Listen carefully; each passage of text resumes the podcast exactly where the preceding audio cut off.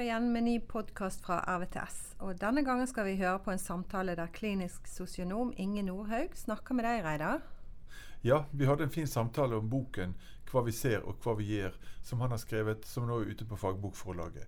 Det handler om barn som er utsatt for omsorgssvikt, vold og seksuelle overgrep. Den gir en god oversikt over fagfeltet, og er en nyttig lærebok for ansatte i barnehager og skoler. Og ellers de som kan komme i kontakt med utsatte barn. La oss høre på samtalen deres.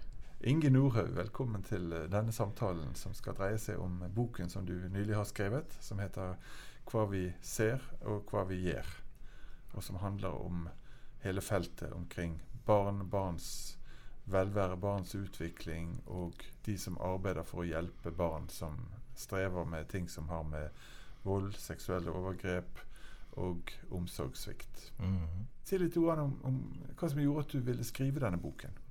Den første ideen fikk jeg fra en eh, som underviser for barnehagelærere, og det er for 20 år siden. Okay. Han sa at når jeg underviste, så kunne han tatt det opp og så gitt det, skrevet det ut. Eh, og det går jo til kjernen av det som er problemet mitt. Jeg er elendig til å skrive. Jeg har hatt skrivevansker hele eh, skoletida mi. Eh, og har alltid, men har vært mye bedre til å undervise. Jeg strukturerer meg mye bedre når jeg snakker, enn når jeg skriver. Så når jeg gikk på skolen sjøl, så leste jeg inn svarene mine på lydbånd, og så skrev jeg av det jeg hadde lest inn, og det ble bedre. Så, men det har gått 20 år, da. Ja. Mm. Uh, og så har jeg fått flere uh, sånne spørsmål, og så til slutt så satte jeg meg ned og, og begynte å skrive. Mm. Jeg vil jo bare si at jeg har jo kost meg med boken din over en tid, og jeg syns du er flink å skrive. Og jeg syns det er en veldig lesverdig og flott bok. Og det er en bok som gir en god oversikt over hele feltet med eh, omsorgssvikt, med seksuelle overgrep og med vold mot barn. Men det er også en god håndbok for fagfolk når det gjelder akkurat det som du sier, eh, hva vi ser og hva vi gjør. Mm. Tittelen speiler jo tilbake på Inga Marte Torkelsens bok, eh, der hun sa vi, vi eh, ser det ikke før vi tror det. Eh, eh, og det er jo liksom et, en liten språkleik med, det, med det, de ordene. Mm. Mm. Og Du har undervist om dette i lange tider på Vestlandet, og sikkert i hele Norge og utenfor Norges grenser også. Uh, vil du si sånn, uh, Hvordan har det vært sånn i fugleperspektiv å undervise om disse tingene for fagfolk? Det som har vært spennende, har jo vært at, at forskning har bekrefta en hunch, eller en følelse som mange i feltet har hatt, nemlig at de alvorlige tinga i barns liv blir oppdaga for seint, når det er for vanskelig å gjøre noe med det. Og eh, Nobelprisvinner James Heckman han har jo sagt at eh, den som best kan se hvem som faller ut av videregående skole og begynner på uføretrygd når de er 25, det er jordmødre, helsesøstre mm. og mest signifikant barnehagelærere i toårsalder. Mm.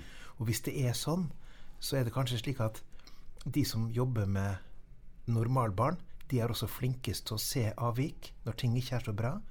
Og hvis de kunne sett inn ting tidlig, så tror jeg de kunne spart mye lidelse.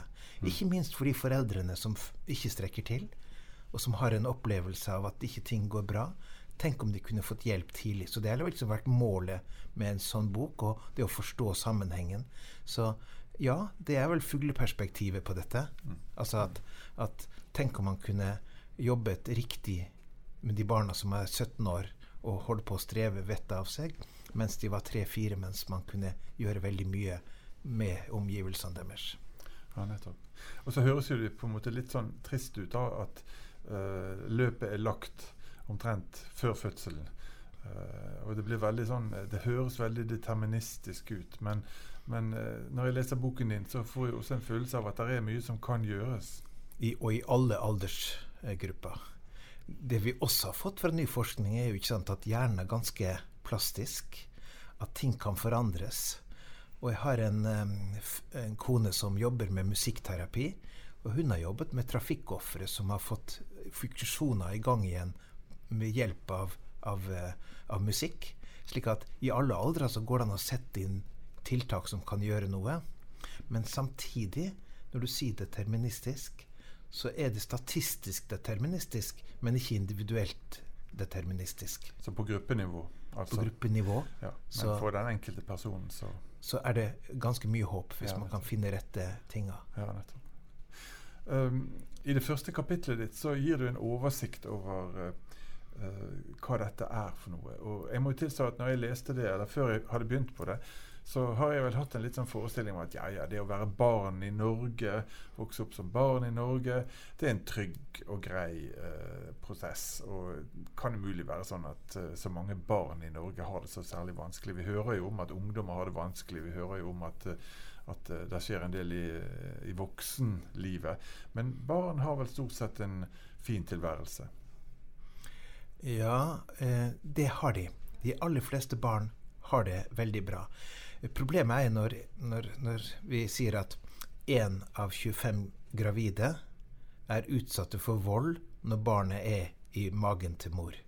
Det betyr at 24 av 25 er ikke utsatt for det. Og vi er veldig lett for å tenke at den 1 av 25 er veldig stort, mm. mens det store er jo 24. Mm. Altså, mm. Og slik er det vel i alle aldre at når vi sier at eh, 14% av jentene har vært utsatt for minst ett alvorlig seksuelt overgrep når de er 18 år, så har altså de aller, aller fleste ikke vært det. Og det er ganske viktig å ha med den forskjellen og den forståelsen. Mm. Og så tenker vi at når, når, barn er i mors liv, så er den volden de utsettes for, det kan være slag og spark på utsiden. Uh, men så får jeg kanskje en tanke om at det er andre ting som kan bety like mye? Ja, det ser ut som at uh, mammas angst knytta til det å, at, at, uh, være utsatt for vold, den fører til uh, kortisolproduksjon, adrenalinproduksjon. Dette smittes over i blodbanene til, til barnet.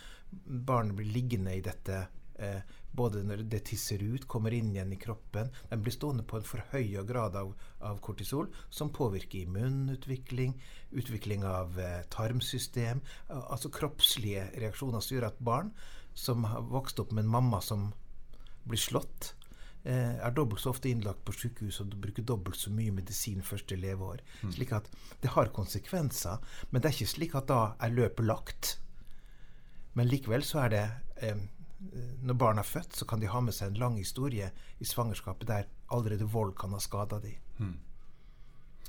Og så skriver du litt om uh, forskjellige typer vold uh, som, som kan skje mellom voksne foreldre f.eks., for eller voksne partnere, men også vold i forhold til barn.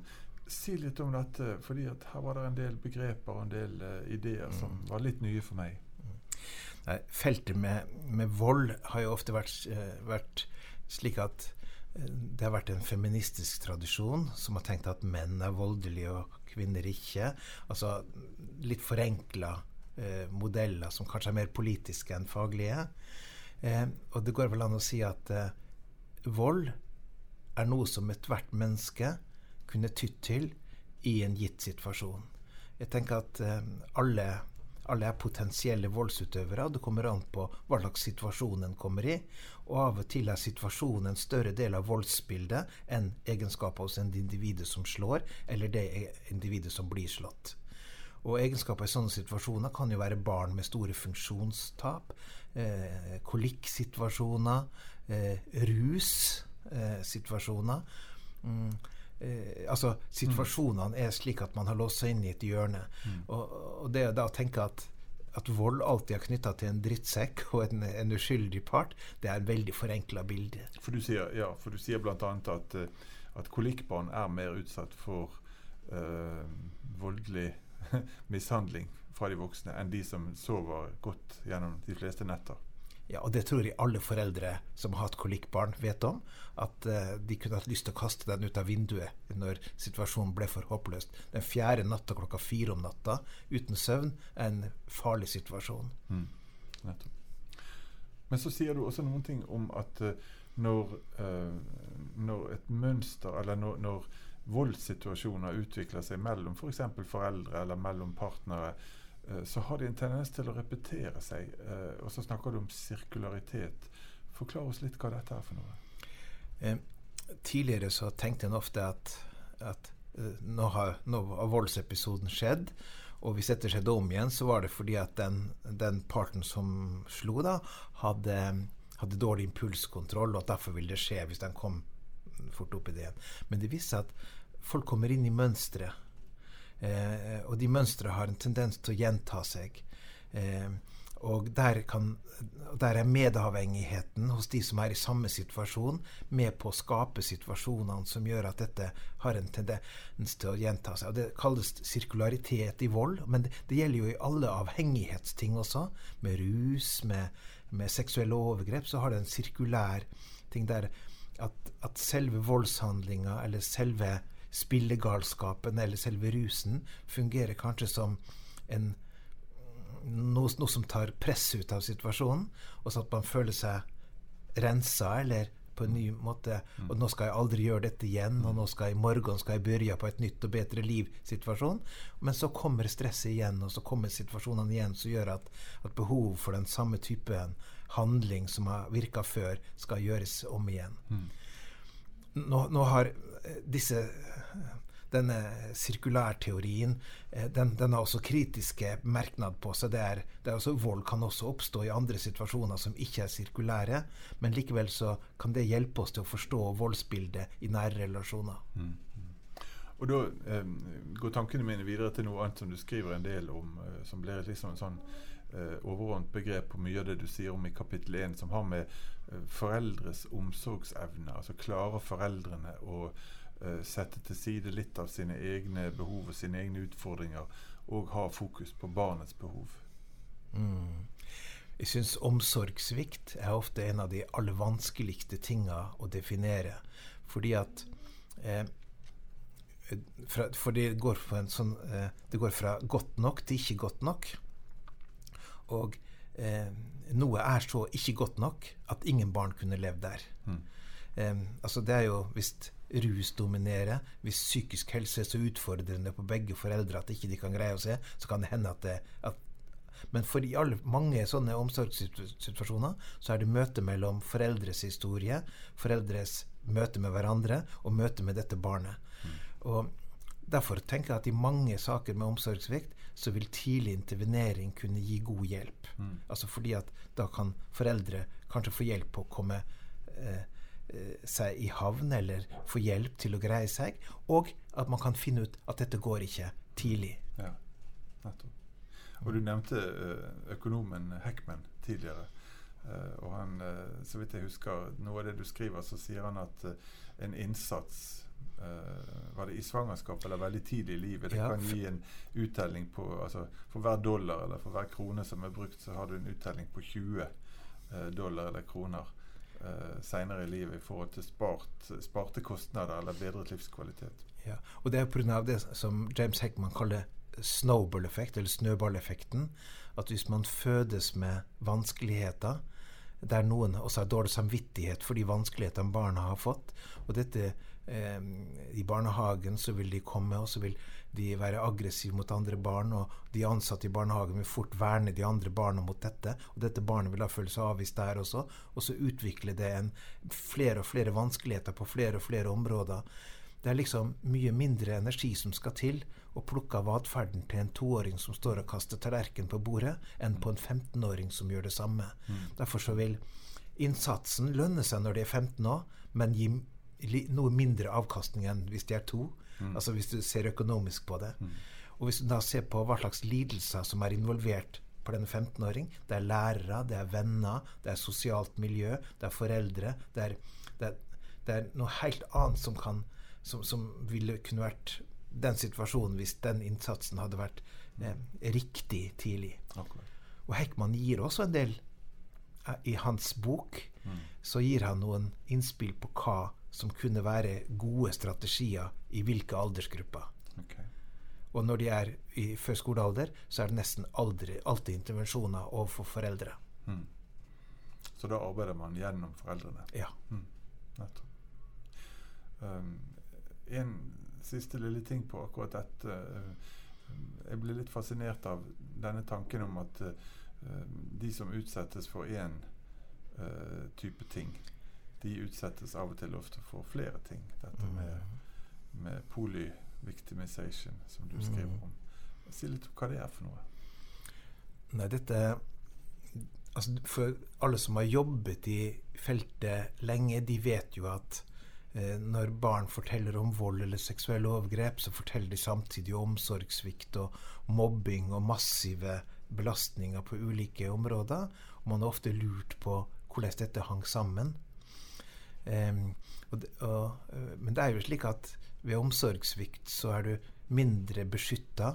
Du mindre, eh, får mindre hjelp til sosiale situasjoner, og det har lett for at eh, en, en, mamma som har eh, blitt forlatt eh, når barna er ett år, kan fort finne seg en mann som kanskje har rusproblemer eller noen andre problemer, og så er de da kanskje utsatt for vold av den grunn, og så kan det hende at de også mm, lettere har behov for noen voksenkontakter rundt seg. Også den som da eh, kommer på internett og vil lure på om du kanskje kunne tenke deg å vise et bilde, så kan du kanskje lettere være utsatt for den typen overgrep som skjer i sånne eh, settinger, fordi du har et behov med deg. slik at det er lett for å balle på seg hvis en først har problem. Ja, Fins det noen enkel forklaring på hvorfor det er slik? For jeg synes dette virker veldig rart. At folk som har vært utsatt for vonde ting, havner i situasjoner der de blir utsatt for flere vonde ting. Um, den, den, den, første eh, store studien som viste dette, var jo Adverse Charlotte Experience-studien. Eh, der eh, de fant ut at halvparten av normalbefolkninga, altså de som hadde råd til å være med i et helseforsikringsselskap, mm. hadde en belastning i oppvekst. Mm. Men det å ha en sånn belastning hadde ingen i stor skadelig effekt. Mm. mm. Men hadde, halvparten av de hadde en belastning til. Mm. En type belastning, en type belastning til. Og når du først hadde to typer belastninger, mm. så hadde nesten 75 tre belastninger. Og når du først hadde tre belastninger, så hadde 87% av de igjen fire belastninger. Og mellom fire og seks så var det nesten ingen forskjell. Altså Hadde du fire, så hadde du nesten alltid seks mm. belastninger. Eh, eh, og eh, hvis du først lever under vanskelige forhold, mm. så er foreldreskapet en stor beskytter og god tilknytning en god beskytter. Mm. Og har du ikke den beskyttelsen, så er du i, sårbar for mm. mange typer vanskeligheter rundt deg. Mm. Vi, vi ser jo at eh, i dag så sier vi at enhver ungdom kan bli forført på nettet. Men for ti år siden så sa vi ofte at det var de som satt på barnevernsinstitusjoner eller fosterhjem, som var de som ble mest utsatt for overgrep på nettet.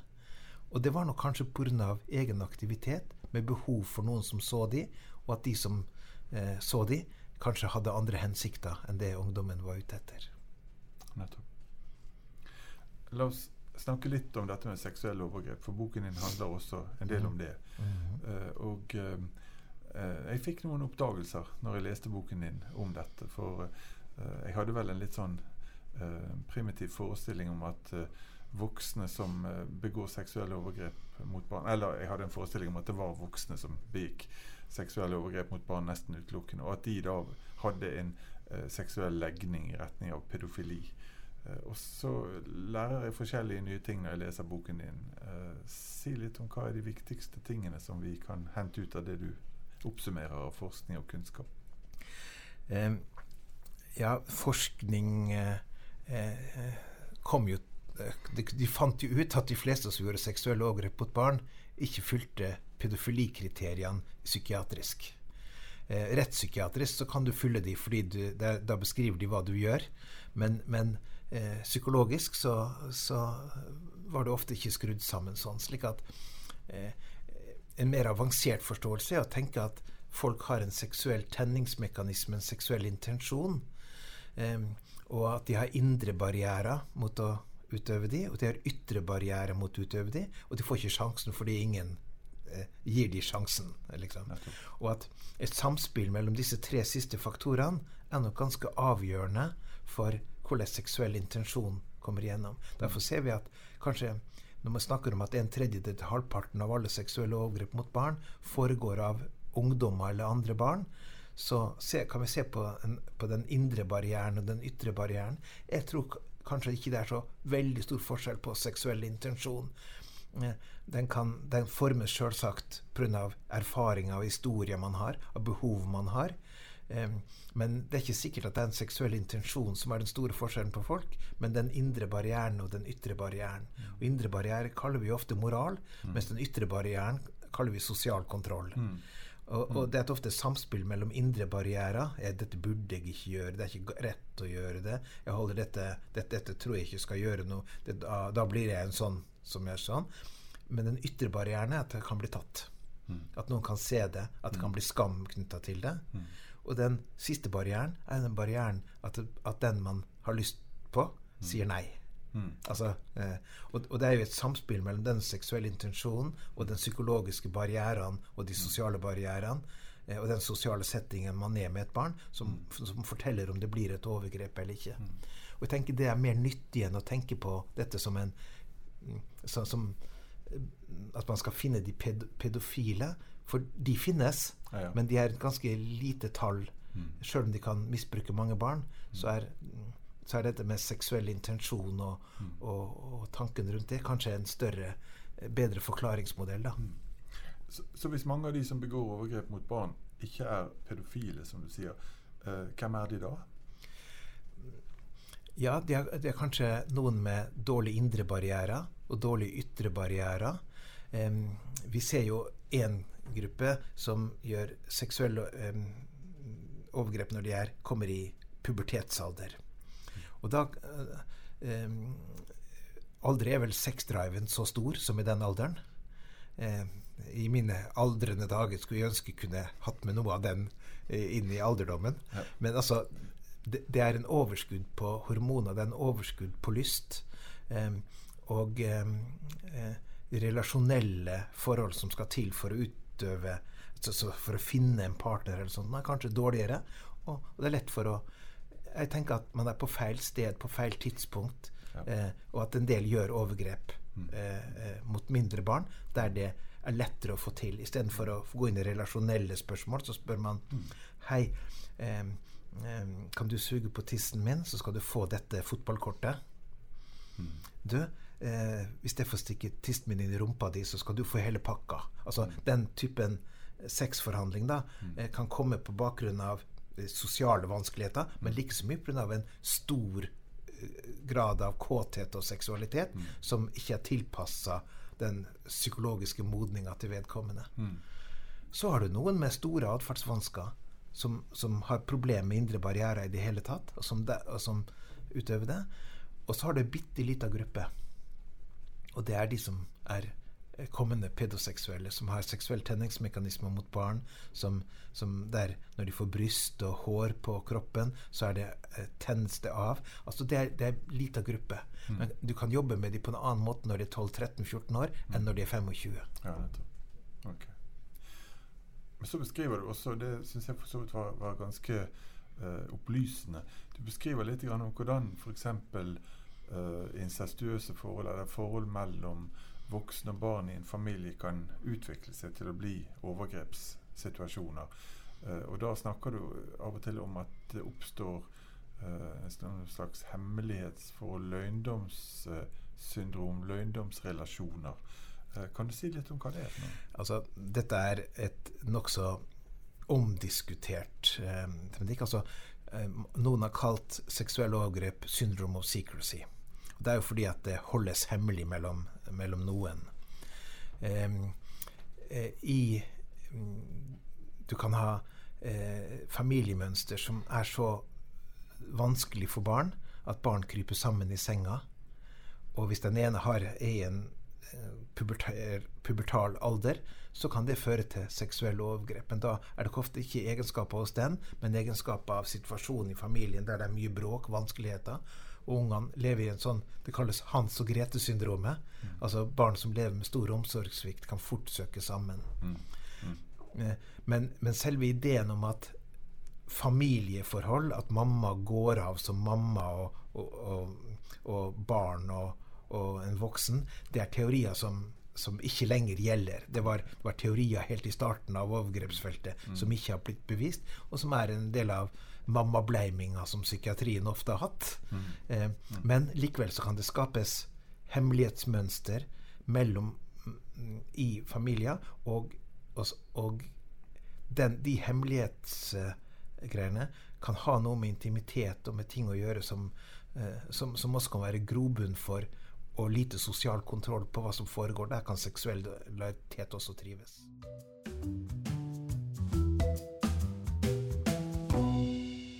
Der forlater vi samtalen med Inge Nordhaug for denne gangen. Samtalen ble så lang at vi valgte å dele den i to. Nå, i dag, har vi snakket for det meste om hva vi ser, som er den ene delen av boken hans. Neste podkast handler om hva vi gjør. Den siste delen følger i neste podkast. Til de av dere som hører podkasten nå i august eller tidlig september 2018, så må vi minne om at Inge Nordhaug presenterer boken sin på et arrangement på Litteraturhuset i Bergen onsdag 5.9. klokken 19.00. Hjertelig velkommen til alle. Vi ved RVTS lager podkaster om viktige begivenheter og tema i vårt fagfelt. Du kan hente eller abonnere på podkastene enten på nettsidene våre eller der du vanligvis finner dine podkaster. Har du synspunkter, ser vi gjerne at du deler disse med oss på Facebook eller mail. Men da er det slutt for denne gang. Så sier vi bare Ha det! Ha det!